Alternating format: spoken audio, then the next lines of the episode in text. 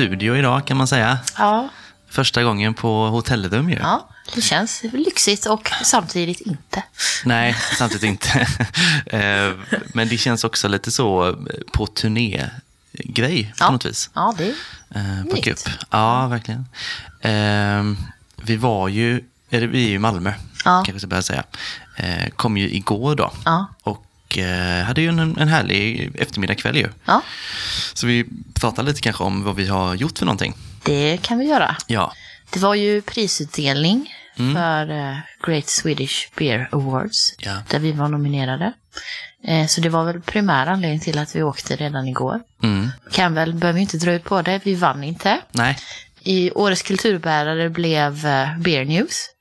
Och det kan man ju säga att jag tycker det är absolut, det var en av mina sådana som jag nominerade tror jag. Eh, och eftersom vi hämtar typ hälften av vårt material från eh, Beer News också så är det väl väldigt eh, välförtjänt. ja, det hade varit jobbigt att så här, sno eh, innehåll från dem och sen sno priset från dem också. Lite så sniltigt. Precis, Vi laddade ju upp på Hyllie på Stormgatan eh, med några öl innan. Så blev det gala då på Slakthuset. Mm. Och sen så drack vi lite öl efter Ja. på Malmö Brewing, heter det så? Ja, precis. Så vi började med att hålla oss otroligt på samma område. Ja. För vad är det, 100 meter till Ja, Stormgatan men och sen eh, två meter typ till Slakthuset då ju. Ja, Eh, men sen, eh, sen blev det Uber genom stan. ja. Eh, det var Cantillionen som eh, hägrade. Jag Ja. kände mig lite besatt igår. Jag kunde sluta prata om Cantillon. ja, du var lite besatt där. Du Ja. ville ju åka tidigt. Ja, Ja, vi åkte ganska tidigt, men ja, vi var ändå kvar och avrundade snyggt tycker jag. jag är ändå två och en halv timme på plats på Slakthuset. Ja. Eh, Men det var en trevlig gala, tycker jag också. Jättetrevligt. Eh, Eh, kul att träffa folk som man... Verkligen. Inte- Så bra stämning på något sätt tyckte jag också. Alla, Mm. alltså, ja, alla. Man blir så här glad när, man bara, när det bara är en massa glada människor överallt. Ja. Det tycker jag är fantastiskt. Precis. Sen var det kul att vi fick med oss eh, några till eh, Malmö Brewing också ju. Mm. Vi var där med eh, fermenterarna, Niklas och Anna. Eh, Jonas Barlind följde också med. Ja, och, Och, eh, Fredrik, Fredrik Berggren. Berggren. Ja.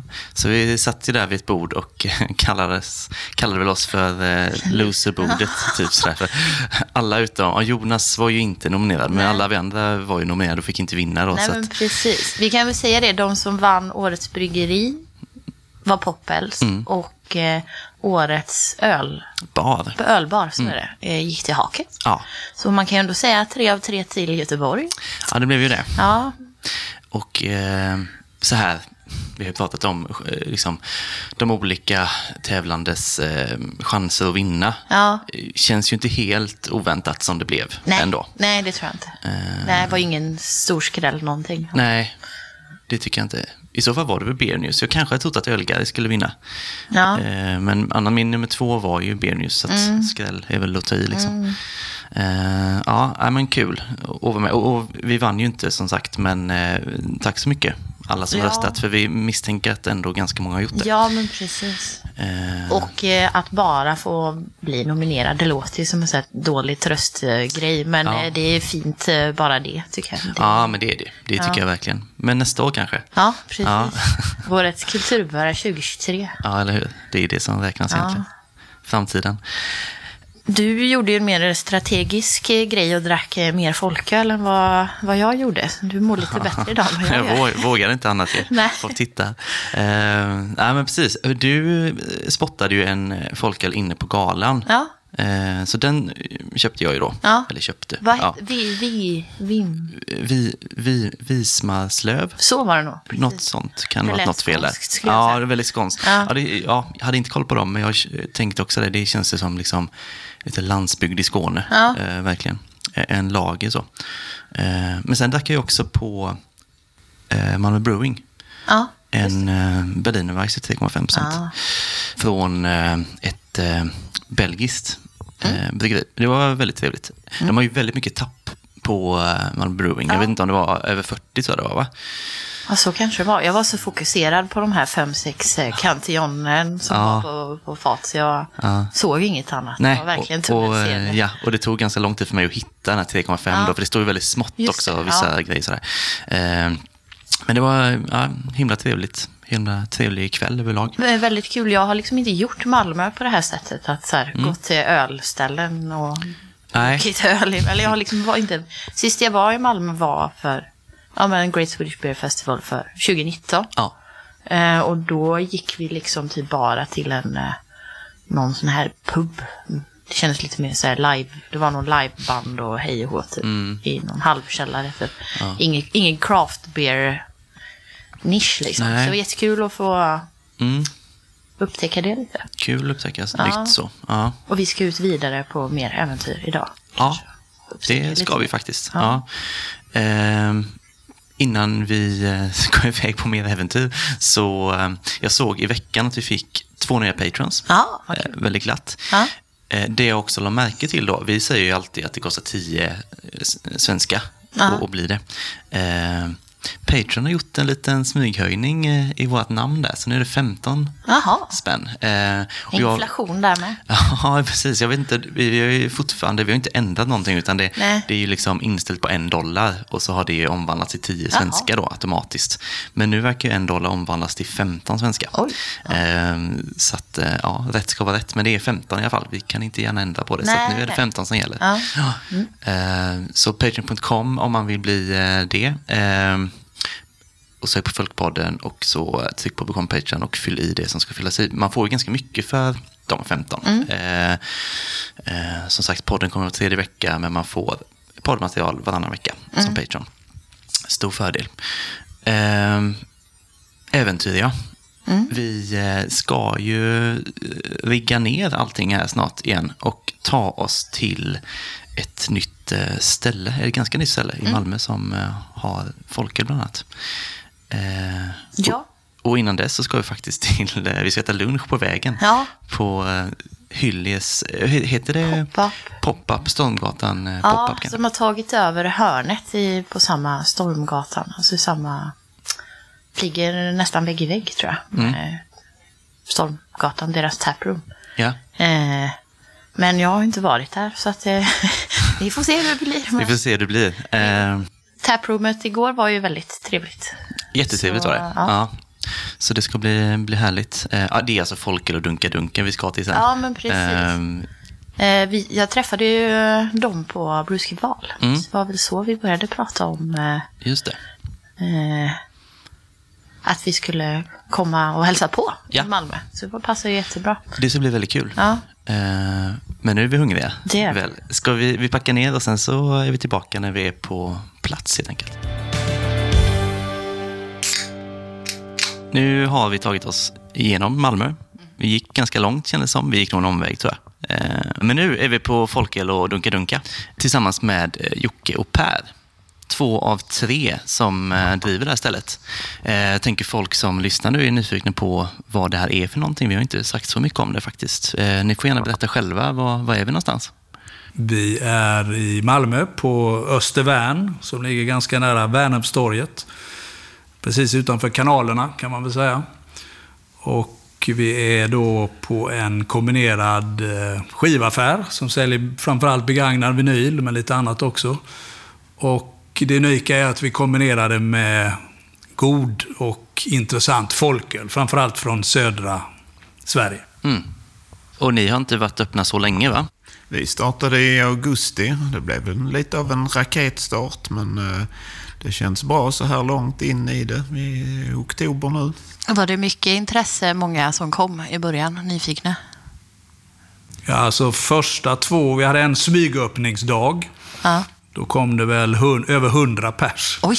Ja. Och på den officiella öppningsdagen som var någon, någon vecka senare så var det lika mycket folk. Så det var ju mer än vad vi kunde hinna med skulle jag vilja säga. Men, Man kan väl säga så att när vi drog igång det här så tänkte vi att ja, men kanske efter fem sex månader att folk börjar hitta hit eh, och så vidare. För att ja, de vi trodde oss vända oss till eh, och sådär eh, så småningom hittar hit. Men det blev nästan lite tvärtom. Och vi har också hamnat på fantastiskt bra eh, ställe här.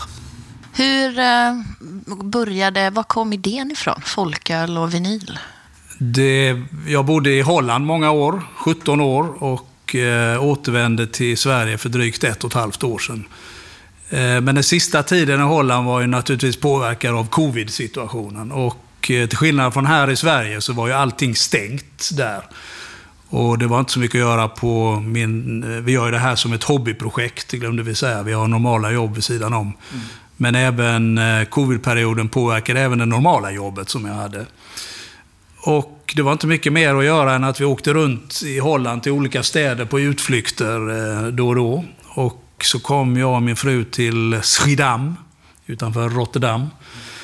Och vi vandrade omkring i denna vackra stad. Känd för sin genever. Eh, om ni vet vad det är för något. Nej, jag har ingen aning. Är det sprit eller? Ja, det är sprit. En slags gin, eh, holländsk gin. Hur som helst, där var den plötsligt, affären. Vinyl and beer, vinyl and beer. Tänkte jag, det där är ju himmelriket. Ja. Det där måste man göra. Och det var väl där eh, fröet såddes, kan man säga. För drygt två år sedan. Och eh, sen när jag flyttade hem så träffade jag min gamla vän Per. Vi har känt varandra sedan slutet på 80-talet. Och eh, ja, du tände väl också på idén, eller? Absolut, så var det. att Vill du göra det här så ska jag vara med, sa jag. Ungefär. Så att, eh, där är vi nu. Och sen hängde min son August då, som är den tredje partnern i det här, på. Och eh, vi har ju olika bakgrund, så jag tror vi har en bra mix eh, bakgrundsmässigt, så vi kompletterar varandra. Och det gör det här projektet lättare också på något sätt. Ja. Det är alltså en gedigen samling med vinyl. Du sa att ni hade 40 000 skivor eller någonting. Stämmer? Är det att ni har samlat eh, själva eller är det... Ja, utgångspunkten är ju naturligtvis i våra egna samlingar och eh, som många andra har gjort att man också köper tillbaka sina gamla skivor. Ja. Vi är ju ändå födda på 60-talet och har upplevt mycket av vinylen från det. eh, Från, från början så att säga. Men eh, efterhand så har vi varit ute och samlat ihop och, på, på olika ställen. Och sen i våras så fick vi möjlighet att eh, köpa ett lager från en nu nerlagd skivaffär. Okej, ja, ja, ja. Så låg på Österlen, i Sankt Olof. Ah, Det var också en rolig historia. Eh, Den hette Vaccinationscentralen. Han blev för övrigt uppringd rätt så mycket under covid. Folk ville boka tid. Eh, Men han vände det till något roligt och kom med i tv till med. Han skulle rekommendera fem stycken skivor som var bra att ta i samband med- vaccination. Ja, ja, ja. Hit me with your best shot, till exempel. ja. Eh, hur som helst, han, han tände på, på våran grej. För vi berättade, vi var där och skulle handla in skivor till eh, när vi byggde upp det här så att säga. Och han eh, tände på vår idé och efter ett halvår, när han tyvärr hade kommit fram till slutsatsen att han ville av personliga skäl lägga ner, så, så kontaktade han dig Per och så sa han antingen behåller jag den här samlingen själv eller så säljer jag den till er, för vi, jag gillar eran idé. Och det hängde vi ju på. Ja. För det, det är ju inte lätt att hitta bra skivor nu för tiden. Speciellt då från 60, 70, 80-tal. Nej, just det. Så det var väldigt bra. Så det var väl lite point of no return. Så att när, man väl, eh, när vi väl hade kommit så långt så såg vi att nu så är vi nära. Nu ska vi bara hitta en bra lokal. Eh, och det kanske tog lite längre tid än vad vi hade trott. Ja, det var ju intressant. Vi trodde ju att skivorna skulle vara utmaningen. Ja. Ölkontakterna hade jag redan både innan jag flyttade hem och framförallt efter. Och som sagt, jag berättade innan att jag började jobba med Vilda Bryggeri till exempel. Och via det så fick jag ett otroligt snabbt och bra kontaktnätverk på, på ölbryggerisfronten. Eh, skivorna trodde jag skulle vara svårt. Vi trodde båda att det här med lokal skulle vara en, hur lätt som helst. Ni vet, webbshopseffekt, covid-effekt, hur många tomma lokaler som helst. Så var det inte. Nej. Men till slut sprang vi på den här som vi tycker är optimal faktiskt. Ja. Den här lokalen som vi sitter i nu. Väldigt fin. Eh, var det första jag tänkte på. det Ja. Det är en hörnlokal, det kanske vi har sagt redan. Eh, Men du sa ölen då, ja. För det, ja, vi sitter ju och kollar liksom på en skylt med massa olika öl här. Hur eh, kom ölintresset eh, för er? Jo, nej, men det kan man väl säga att eh, i det här fallet har jag väl hängt på rätt mycket av Jockes idéer naturligtvis. Samtidigt så har man erfarenhet. Vi har också jobbat mycket internationellt och man har prövat många olika sorters öl. Och sen har vi ju det här konceptet som jag tycker är fantastiskt och en möjlighet för oss i Sverige att göra det vi gör. Att, eh, att jobba med folköl som ett... eh, och- det har ju utvecklats otroligt snabbt de senaste åren så det känns ju väldigt spännande. I mitt fall kom det som en nyutexaminerad eh, akademiker från Lund på 80-talet. Eh, och jag och mina polare var- började resa i jobbet. Och eh, då var det ju väldigt begränsat med vad som fanns på Systembolaget på den tiden. Eh, Det fanns ju för det första inte så många olika typer av öl. Nej. Utan det var i princip lager och pilsner. Och framförallt fanns det inte så mycket internationellt rolig öl. Liksom. Så vad vi gjorde var att när vi reste ut i tjänsten så började vi köpa upp eh, några flaskor. Vi åkte till Belgien, vi åkte till Frankrike, åkte till England, eh, Centraleuropa. Eh, och till slut hade vi samlat ihop 30 olika sorters öl. Och då satte vi oss ner eh, hemma hos mig första gången och provade dem. Och eh, idag är de ganska liksom, normala, de Ja. typerna av öl. Det var ju Leffe och, och sånt där, men vi tyckte herregud, Ja, ja, kan det smaka något så här? helt annat Så då, ja. det var nästan en religiös upplevelse. Och där började det någonstans. Mm. Men sen, eh, jag ska också säga att i mitten på 90-talet började jag resa väldigt mycket på USA. Mm. Och då, då hade ju redan den här microbrewery-trenden kommit igång. Och så småningom flyttade jag dit. Och där kom ju andra kicken, kan man säga, när alla de här IPorna kom. Sierra Nevada, du vet. Ja. Och Anchor Steam och, och Samuel Adams. Och, Mm. och så bara det kom. Och till slut bosatte jag mig, bosatte jag mig i en eh, riktig ölstad, Milwaukee, Ja. Wisconsin. Tysk influens. Och där fanns ju hur många roliga grejer som helst. Och då, då var man fast igen. Ja, det är klart. Ja. Vad skönt då när du har flyttat hem till Sverige igen, att, att det har hänt mycket här också. Absolut. Och det följde jag ju under tiden jag bodde utomlands också. Jag kom Mm. hem ganska ofta. Ja. Du sa, eller ni sa förut att ni hade räknat med att det skulle ta fem, sex månader för kunderna att hitta hit. Vad, liksom, vilka tänkte ni skulle vara era primära kunder när ni började? Och vad har ni för kunder? Nej, men det är väl klart att vi, alltså, det vi hade sett och en anledning till att vi ville starta det här, eh, att man kanske tänker att den traditionella skivaffärskunden åtminstone är som vi, eh, lite grånade herrar uppåt eh, 60-65 års åldern och så vidare. Men vi har ju sett att både i vinyltrenden och i folkölstrenden Ja. så är det ju en stark föryngring kan man ju Ja. säga, eller som gör att det är en annan publik. Och eh, det har väl också haft inflytande på att vi ville flytta till den, mot den här ändan av stan. Så vi har hela tiden haft sikte på Värnhem lite grann. Ja, Eh, här eh, som mycket studenter som bor i det här området. Och det visar sig också, det området där vi finns nu med alla fantastiska grannar som är här, att det är en yngre publik. Ja. Kanske mer 30-40 års åldern, men också mycket studenter i Ja. omlopp här. så. Och det är ju faktiskt, är vi väldigt glada för och viktigt för det här konceptet Ja. på något vis. Att kunna ha ett vardagsrum för alla möjliga Ja, i det här verkligen. sammanhanget. Ja, men exakt. Hur reagerar folk på, på folkölen? De, eh, blir, man liksom, blir många överraskade över att det smakar mycket? Eller tycker folk att folkölen liksom känns lite svag? Eller hur, hur, tänker folk som kom hit, ni? Ja, alltså, det här är roligt. Jag hade också förväntat mig och, och nästan blev rädd för att vi bara skulle få gubbar som, som oss. Liksom. För jag har ju sprungit rätt mycket i vinylaffärer och, och så vidare och, och sett föryngringen. Men ändå så kan det vara ju en majoritet av, av 50 plus i alla fall. Gärna män. Ja. Eh, men vi hade ju talat om det här med föryngringen och eh, innan jag svarar på det här så kan jag ju, har vi tittat på det. Eh, och tittar vi på till exempel Instagram-account så kan man ju få rätt bra information. Jag tycker den beskriver ganska väl läget. För det är alla åldersgrupper, säg från 20 plus upp till 60 plus. Och de, man kan dela in det i 10 års segment. Och, och det är väldigt jämnt fördelat. Är nästan en perfekt sån här gåskurva som det heter. Väldigt jämnt fördelat och framförallt en tredjedel kvinnor. Ja. Och det tycker jag är jätteroligt. För vi känner ju 50 plus-gubbarna. Vi är ju sådana själva. Ja, ja, Men grejen med det här är ju att det är ett hobbyprojekt. Ja. En slags social terapi. Vi vill ju träffa folk och dela med oss av våra hobbys med lika, likasinnade. Och då är det väldigt kul att träffa den yngre ja, det är klart. så det är jätteroligt. Och sen hur de reagerar på folköl. Eh, vi får ju, alltså ölnördarna hittar oss. Från hela Malmö och till och med runt, runt från hela Skåne skulle jag vilja säga. Ja. Eh, och vinylnördarna hittar oss också.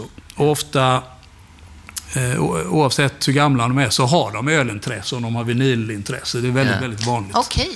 Ja. Eh, om man tänker på ur-hipsten, Ja. så var det en 30-årig kille med skägg.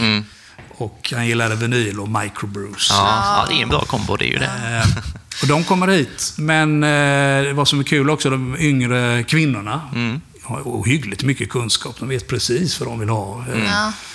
Vissa av 60-plussarna eh, klassiska lagerkillar. Ja. Men då har vi rätt roliga lager och då försöker vi utmana dem. Mm. Jag ska inte säga att vi, vi vill utbilda dem, men vi vill gärna locka in dem och prova någonting som de är utanför Ja. comfort zone. Ja, jag liksom. tänkte fråga, har de, vågar de sig på att prova en eh, suröl? De allra, nej, suröl, alltså man, och det förstår jag och jag respekterar. Ja. Är man en lagermänniska och varit det hela livet, Ja, ja, ja. Det är en lång hoppar man inte på en suröl direkt. Nej, nej. Däremot, så, som ni ser på listan här, då kan vi erbjuda en Schwarzbier, mörk tysk Mm. lagersort. Vi kan locka dem med en eh, Spruce, som vi inte har på listan där. Jo, det har vi va? Eh, nej, inte längre. Jag såg den i, i kylen. Såg jag den. Ja, så det är granskottsöl. Eh, vi har haft en tångöl. Eh, och bara att få dem att ta det steget eh, vet jag själv, för det gjorde jag själv den resan en gång. Ja, ja. Gör att man kommer vidare så småningom. Ja. Och kan pröva annat. Liksom. Just det. Sen är det klart kommer det in eh, hela, totala noviser också. Ja. De har ingen aning. Men väldigt ofta är de öppna och, Mm. och eh, är modiga, ska jag säga, och be om råd. Mm. Välj ut en till mig. ja, skönt ju. Och då brukar jag fråga, är du, eh, är du traditionell idag eller är du lite äventyr? Ja, ja, det är Det bra. kan vara dagsformen också. Yes, ja det kan Och inte sällan så säger de äventyr och då, Mm. då vet jag. Liksom. Ja. Ja. Vad kul. Kul att få um, guida folk både bland eh, vinylerna och, bland ölen då ju. Det är Precis. väldigt personligt. Eh, Det låter ju jättehärligt. Har ni själva någon favoritölstil? Ja, Jag kommer väl kanske lite från annat håll på det viset och jag har nog egentligen fastnat ursprungligen från öl för jag är ganska anglofil till min läggning så jag gillar ju bitter väldigt Ja, mycket. ja, ja. En bitter liten man. Eh, så jag kommer från det hållet med lite mindre kolsyra och lite eh, sådär. Och där är vi ju inte riktigt i folkölen eh, ännu så mycket eller i den traditionen. Det, kommer lite mer, men det, det borde finnas mycket, mycket mer. Det är ju väldigt bra som folköl Ja. egentligen. Men det, vi har väl kanske i Göteborg två, tänker jag. Stigberget har ju gjort en eh, lite mer engelsk serie, har de inte Jo, det? precis. Folköl. Uh, Stigbergs är ju duktiga på, de är ju som eh, brittisk serie liksom, med lite mild och sådär. Eh, så det är, väl, det är väl där man får gräva kanske. Vi har en på gång. Ja, Vi kul. får se. Ja, spännande. Om de kan tappa den på flaska. Ja, ja, ja, det är det också. Vi kör ju bara flaska och burk här. Vi är inte i något läge att vi kan köra tap Nej. Ännu. Och jag vet äh, äh, inte om det kommer ske någonsin. Liksom, Nej. utan, äh, Det är ju något man så kan... det är en eh, begränsning ibland. Ja, det är klart det kan vara. Men det är, det är väl bra att ha någonting att kunna lägga till sen om man skulle vara sugen. Kanske blir en tappanläggning om några år, vem vet? Vem vet? Och, och tap takeovers kan vi definitivt göra någon gång Ja. i kvartalet. Så Just det är det. en annan grej. Då kommer bryggerier hit själva Precis, och plockar upp. Ja. Ja. det är jättebra ju. Min, eh, jag har också gjort en resa, precis som ni. Man, man nördar in på någon sort eh, Mm. period och sen testar man, så kanske man blir lite trött på det och sådär. Men jag har naturligtvis gått igenom eh, eh, sours Ja. väldigt mycket och eh, stouts. Mm. Och just på folkösidan är det ju lite utmanande att göra en Ja. stout. Men, men eh, vi hade lyckan att lära känna Vilda Bryggeri i Båstad och de gjorde 24 exklusiva flaskor av en eh, stout till oss. En, Mm. en eh, var det Chocostout. Oh. Och gav den namnet Dunka Dunka. Den står där borta på hyllan till vänster. Det finns bara en Snyggt. flaska kvar. Nice. Ah. Den rör vi inte. Nej, det förstår jag. Eh, Men jag skulle vilja säga att tack vare Vilda så kom jag in på det här med Farmhouse Ale. Och det var ganska sent. eh, Bara för ett par, tre år sedan. Naturligtvis hade jag druckit mycket belgisk öl innan, men jag hade aldrig liksom tänkt på det så som han presenterade, Farmhouse. Och, och det tog mig ett år, tror jag, innan jag förstod vad han talade om. Han, han talade om funky. Så, så, vad är funky? Nej. Och så började de snacka, det var en bryggare och, och, och ägaren då. Man började snacka om stall och hästfiltar och, Den blöta och höl och gamla plåster. Ja. Men efter, jag tror, efter ett år så insåg jag eh, vad det var för något. Ja, Men det är svårt att sätta fingret. Det är jättesvårt och vi pratar ju också om det i podden ibland och man slänger sig med sådana ord och liksom, ja, det är ju väldigt svårt att Ja, förstå det- när folk ja. berättar om sånt. Men man måste uppleva det. Och så Precis. sitter det Och där. det, är, det är mycket doft och en speciell smak. Så då provar jag ju Grisette till exempel, som Mm. är en eh, sydbelgisk, nordfransk variant. Ju. Men, men det lättaste att beskriva för lyssnarna tror jag är säsong. Ja. Mm. Ja, för det är ju en klassisk farmhouse. Och jag tycker det är en intressant historia hur man bryggde det för, för eh, gruvarbetare i södra Belgien, men också eh, på, på bondgårdarna och sådär. Ja. Och, den, och därför blir den ju lite funky då. Ja, så. eller hur? så säsong eh, definitivt har blivit eh, något av en favorit. Sista. ja, ja.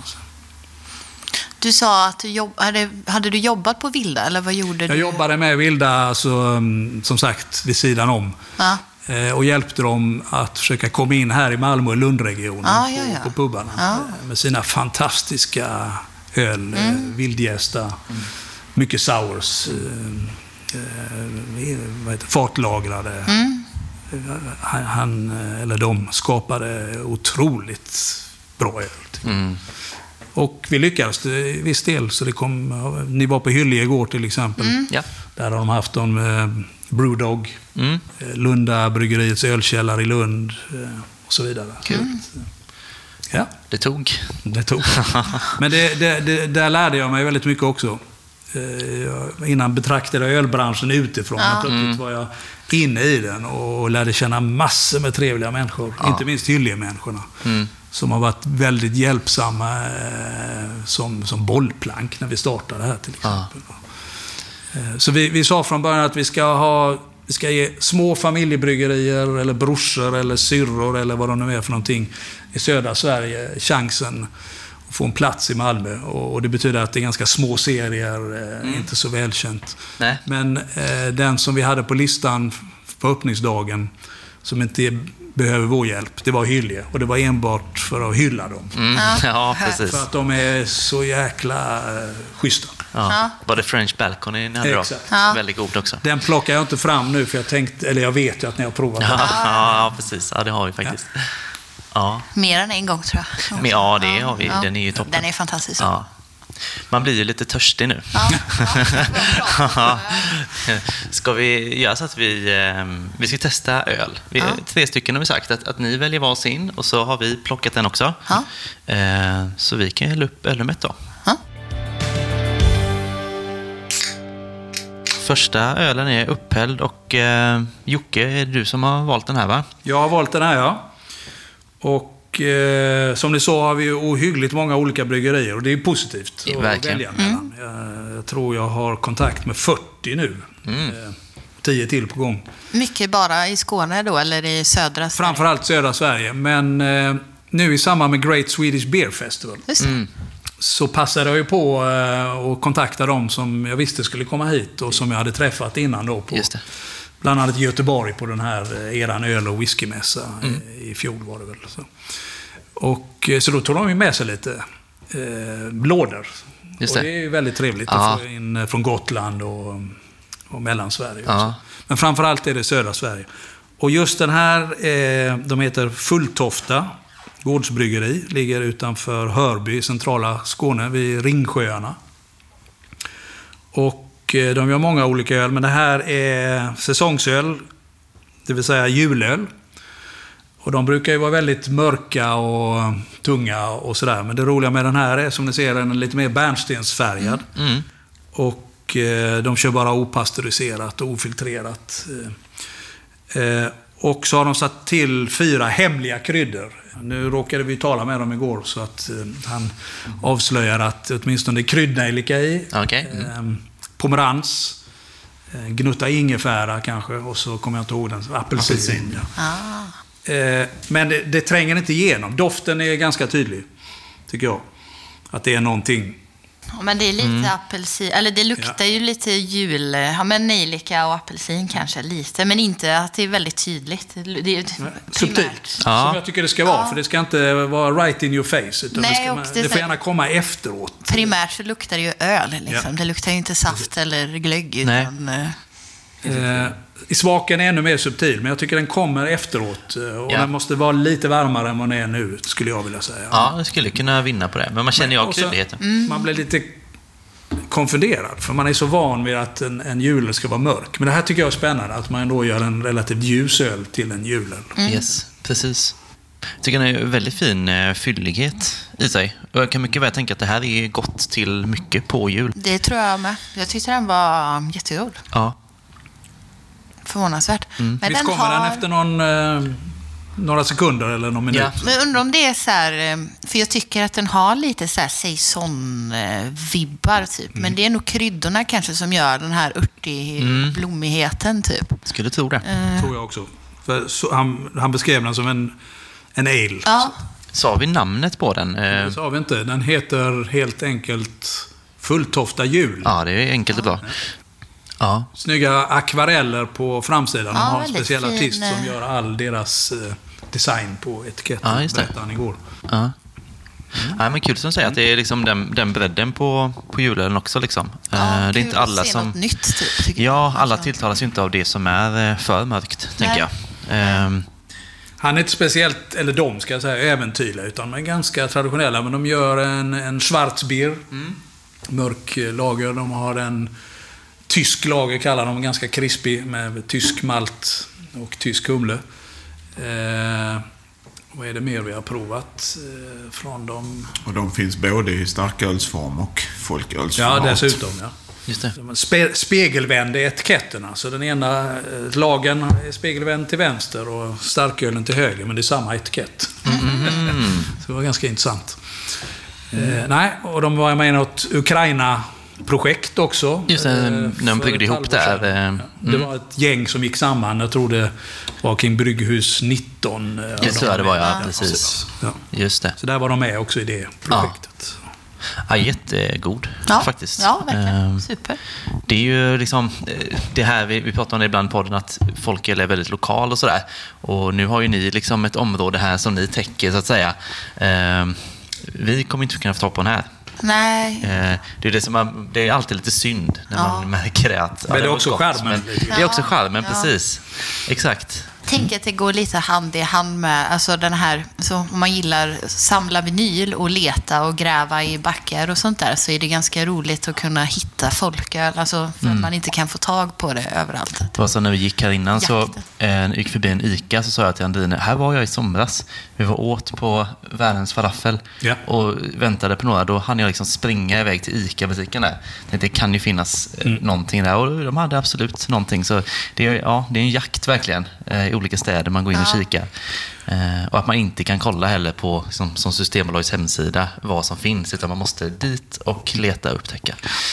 Nej, det är charmigt ändå. Den är ju inte bäst den ICA, men eh, ICA Möllan vet jag att ni har varit på. Ja, den är ju precis. fortsatt eh, mycket, mycket bra. Och ni har pratat om Lidls satsning, som inte nödvändigtvis är lokala öl härifrån, men Nej. ändå. Ändå bra spridning på grejerna. Mm. Det är väl de. Men det finns eh, hyfsat sortiment, men man måste veta var man ska gå. Exakt. Ja, det är ju det.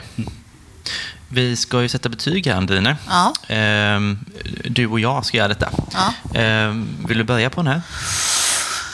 Oh, ehm, jag skulle nog ge den minst fyra. Mm. Eh, jag blev väldigt eh, positivt överraskad. Jag blir alltid glad när jag typ... Man kan säga att man hittar något nytt. Eller jag har liksom inte druckit någonting som smakar så här Nej. riktigt tidigare. Och en, en, ny, en ny twist med nya kryddor. Ja. Eh, så minst fyra. Jag skulle kunna höja den till 4,25 också. ja, för jag är inne på 4,25. Ja. Det var väldigt fint balanserat med allting. S- Mycket smak, men inget som liksom drar iväg heller. Nej, och så jag tror till jul, eh, absolut, alltså till julmaten och sånt tror jag det här kan vara Ja, jag tror det blir jättebra.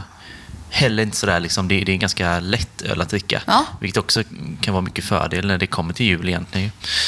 Ja, men 4,25 då. Mm. Enas. Snyggt. då eh, går vi raskt till öl nummer två då.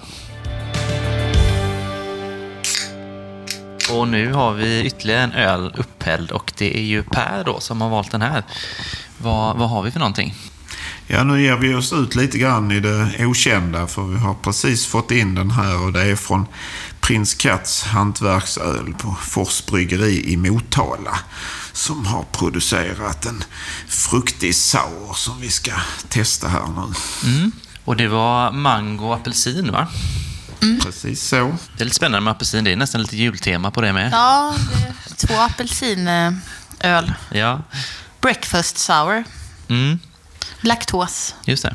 Väldigt gul... Eh, ja, hazy får man ju Ja, säga. det ser ju lite frukostjuice. Eh. Ja, verkligen. Jag skulle just fråga vad betyder breakfast sour, men det kanske är känslan av ett glas juice på morgonen. Ja, tänker skulle mango och apelsin typ. Kanske, ja. Ja. ja. ja. Breakfast stout finns det väl? va? Det finns ju, precis. Mango är vi ju lite vana vid, men kombinationen av mango och apelsin är ju intressant. Mm. Tycker man känner apelsinen eh, ganska mycket. Som så här mycket citrus liksom. ja. Som gör den ganska sur, skulle jag säga. Väldigt sur skulle jag vilja säga. Jag tycker inte, det är inte så surt att det drar liksom i, Nej. i munnen. Men jag tycker, Jag har en rolig historia. Jag reser rätt mycket på Belgien och där hade jag lyckan att hitta en rolig pub som heter Schist, som betyder gäst. Och jag gick in där. eh, Den hade fått bra renommé, så att säga. Och plötsligt så börjar en äldre man, till och med äldre än mig, tala med mig där vid, vid bardisken. Och det visade sig vara Frank Bone. Bone från Bone Ah, Bryggeri. ja, ja. som- Som i princip dominerar hela sourmarknaden i Lambic och Gösmarknaden Ja. i Belgien. Mycket trevlig man. Och Han stod där och höll ett, eh, en monolog och jag stod som jag hade träffat Dalai Lama eller och, han berättade att eh, en sour som vi tycker är optimal, den ska vara sur i munnen, men den ska inte gå ner i tonsillerna. Nej, Då nej. exporterar vi den till USA, sa han. Där är de galna. De vill ha ju surare ju bättre. Ja, just det. Eh, Men där lärde jag mig något. Och jag tycker det stämmer. När det går ner för långt ner i, i svalget, tonsillerna, då är det för mycket. Eh, Jag vill helst ha den där fram i munnen som de klassiska belgarna har. Den här ligger någonstans lite mittemellan, skulle jag vilja Ja. säga. Den går inte hela vägen ner, men den är klart syrlig. Ja, det är den. Men jag tycker det är nästan lite så här övermogen frukt. Eller det är någonting som gör att den smakar lite så här Mm. speciellt typ. Ja. Jag, men jag vet inte. ja, den har ju... Du tänker att den kanske har lite sötma också då, eller? Att den känns lite övermogen, eller? Ja, eller så är det kombon. Det är Mm. så fel att säga typ rutten frukt. Mm. Men, men alltså lite så överjäst. Ja. Ja. Eller fast jag vet inte. Det är inte, det är inte, det är inte äckligt på något vis. Nej, jag tycker om det alltså. Och jag var förvånad att det var så mycket, för vi drack en suröl med apelsin för inte jättelänge sedan. Jag kan inte minnas vilken det var nu. Nej, Jag för mig kan- gjorde det. Och att det var så här... Ja. Jag det tror det kan varit brewski folkölen Just kanske. det. Med citrus. ja. eh, precis. Ja. Att jag tyckte det var väldigt gott, men att det är Ja. inte jätteofta jag har druckit med apelsin i. Så det var kul att testa en till och jag Mm. tycker att det gör sig bra alltså. Vad säger ni om laktosen?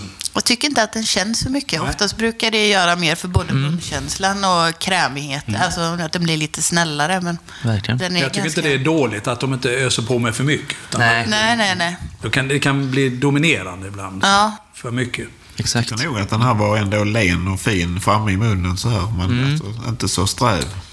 Nej, men jag, för det kan nog nog det som gör den kanske hade varit surare och jävligare om det inte hade varit laktos i den. Typ. Ja. Jag tycker ändå att det är balanserat. Jag tycker också man vänjer sig vid... för- Första klunken kändes väldigt sur. Mm. Men ju mer, ju mer man dricker tycker jag, man vänjer sig liksom och känner mer smakerna. Liksom.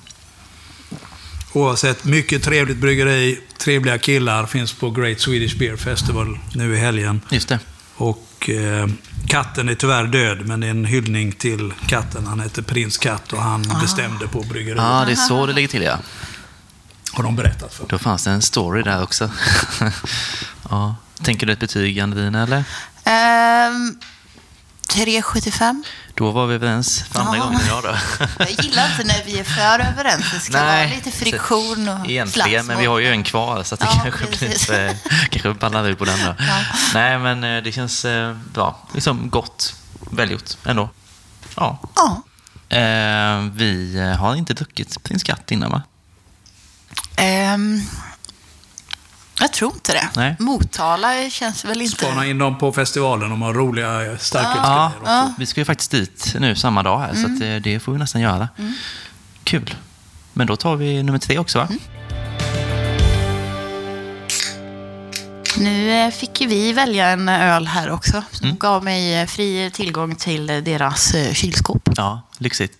Och där hittade jag någonting som heter Lilla Hawaii. Är bryggeriet öbryggt? Precis. Och ölen heter Lilla Hawaii. Ja, som också Hasslö kallas i folkmun Ja, lokalt. just det. Det är är en ö i Blekinge Ja. som man kan köra över till. Jaha. Ja, känner jag. Men eh, jag har aldrig hört det innan, men de sa det kallas för Lilla Hawaii. Okej. Jaha. Eh, session Hazy IPA. Det är alltid lite roligt. Vi skryter ju väl nästan lite. Vi har lite hybris i Göteborg tycker jag över hur bra vi är på att göra hazy Ja, folköl. det har blivit en grej liksom. Eh, Så kul att prova. Jag tyckte den var snygg, burken också. Den är grönsvart. Hur kan du säga att den är. Guys. Men, Ja, Dörren är där. ja eh, förlåt. Men eh, jag tyckte ändå att den var snygg. Det kom en bild på Instagram på Ja. den så kan man själv eh, bedöma. Ja. Ehm, mm, väldigt så gul, lätt haze va? Ja, men luktar jättegott. Mm. Helt klart.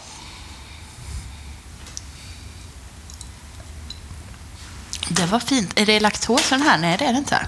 nej, det tror jag inte. Nej, för den hade en sån liten sötma i sig va? Ja. Så ha, ha, är det havremalten som eh, gör den här? Det här är ju bra munkänsla på det här också. Ja. Och, men eh, ganska söt ja. Yes. Eh, inte jätte så mycket.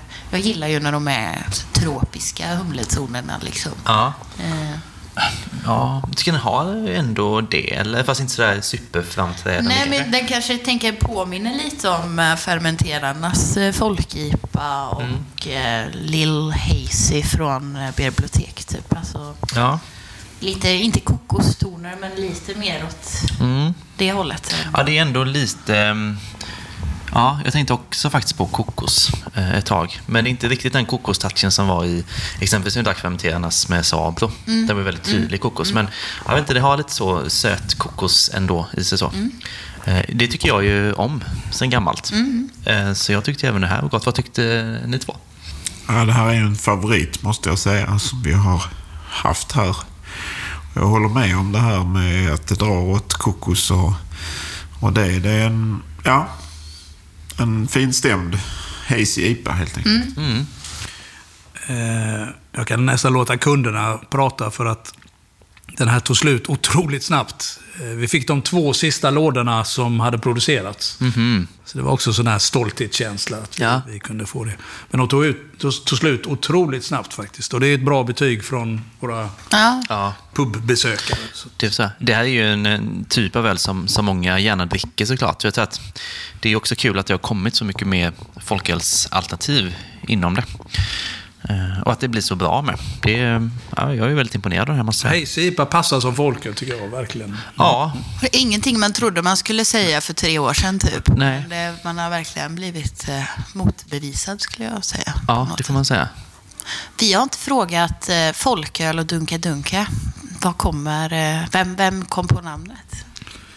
Och var kommer det ifrån? Det kommer... Vet ni, har ni, ni har aldrig talat om en låt som heter Folköl och Dunkel? Jo. Jo, Ja. har jag på- Så ja. det kommer ju därifrån. Ja. Vi brukar säga, är man född före början på 90-talet så känner man till den. Ja. Är man född efter så är det inte säkert. Om Nej, vi är på det är gränsen då. Men, ja. Ja, ja, ja. Mm, ja, men eller hur. Ja. Och, och vi har haft kunder här som har sagt båda. Ja. Fräck namn! Ja. Och så, ja men det är ju den här låten med Sven Rubins. Ja. Just det. Eh, Vi hade en journalist här från Sydsvenskan som lyssnade igenom texten på den. Den Ja. skrevs 91.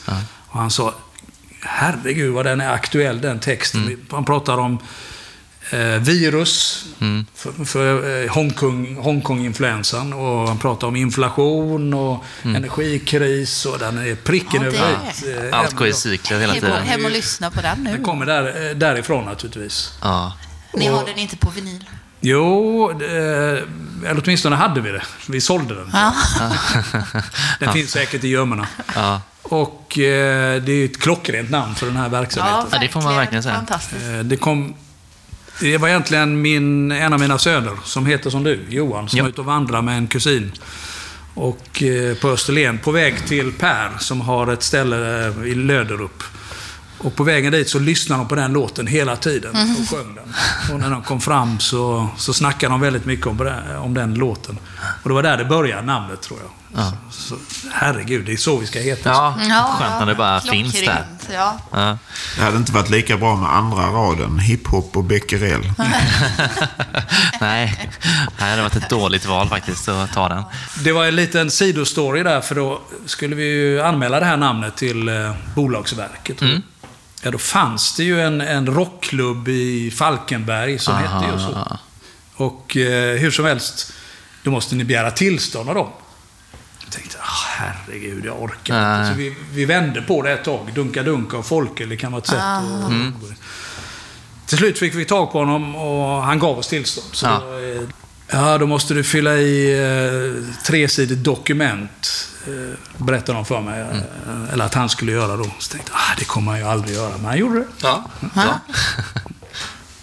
Ja, det har vi. Jag tar tillbaka. Dunka Dunka heter den. Dunka Dunka. Falkenberg. I Falkenberg, jaha. Ja, det ser man. Det blir nästa gång då. Ja, precis. De säljer dock inte vinyl, utan det är mer som en klassisk eh, rockklubb. Ja, just det. Mm. Med ölservering. Så. Sista betyget då. Ja. Vad hamnar vi på den här då? Ehm, fyra kanske? Nej, det, Ska jag- varför ska jag börja varje gång? Ja, jag vet inte. Eh, Men det, det här lutar ju åt en fyra för mig med då. Ja. Eh, Fast jag skulle kunna vara faktiskt ännu lite, så vi inte har exakt samma då. Nej. För jag kan faktiskt, 4,25. Ja. Mm. Väldigt trevlig. Den här var det sista ni hade av, men ni skulle få in något nytt. Vi från- får in en pilsner som eh, jag tror står i Lund just nu. Ja, ja, ja. Det är lite sådana logistiska utmaningar när, när eh, de finns där borta. Ja. ja.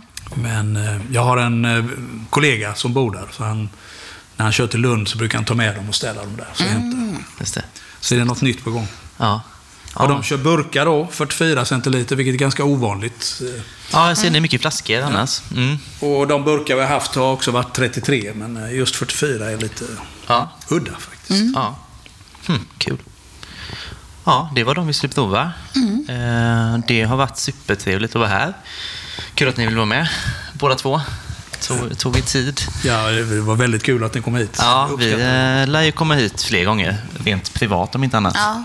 Eh, ibland är vi i Malmö, eller jag i alla Ja, fall. du är Någon gång om året kanske. Ja, då kommer jag komma Så hit. kan ni köpa lite skivor också. Eller hur? Ja, ja, Verkligen. Lite. Ja, men så måste jag ha så mycket att släpa på bara. Släpa på Ja. Köpa till ett eh, bagage på bussen här. ja. Ehm, vi kommer ju checka in som alltid. Checkar vi in de här på Antapped, Folkpodden. Det är bara att gå in och, och bli vän med oss där. Ehm, har ni en Antapped? Nej, det har ni inte. Utan man... Eh, En kund har lagt ut oss på Untapped. Ja. Så, så, så, Ja, som så eh, venue. Som venue, ja. Ja. Men om man vill ha koll på eh, vad ni får in för någonting, för ni byter ju ibland. Vad, är det på Så jag har Instagram varit i då? kontakt med dem. Tyvärr, eh, för en liten upstart som det här, så kostar det lite pengar varje månad. Så eh, för tillfället har vi valt att inte signa upp för det. Nej, just det. Nej. Men om vi kommer igång ordentligt så kan Ja. man mycket väl tänka sig. Men Instagram annars? Kan man Instagram, gå in på. ja. Ja. Folk är dunka dunka helt enkelt. Ja, Ja. precis. Och där står också öppettider och vilka nya öl vi släpper den veckan och, Mm. Och sådär. Perfekt ju. Mm. Där kan man kika. Och lite vinyltips och allt. Sånt också. Mm. Allt gött. Ja. Ehm, ja. Vi är färdiga annars. Ehm, tack Hannes för klipp och tack John för introlåt. Mm. Och så eh, om tre veckor igen så är vi igång igen. Då är det faktiskt julöl. Ja. Vi fick en försmak idag, men då Ja, är det all in julöl. Exakt. Vi hörs då.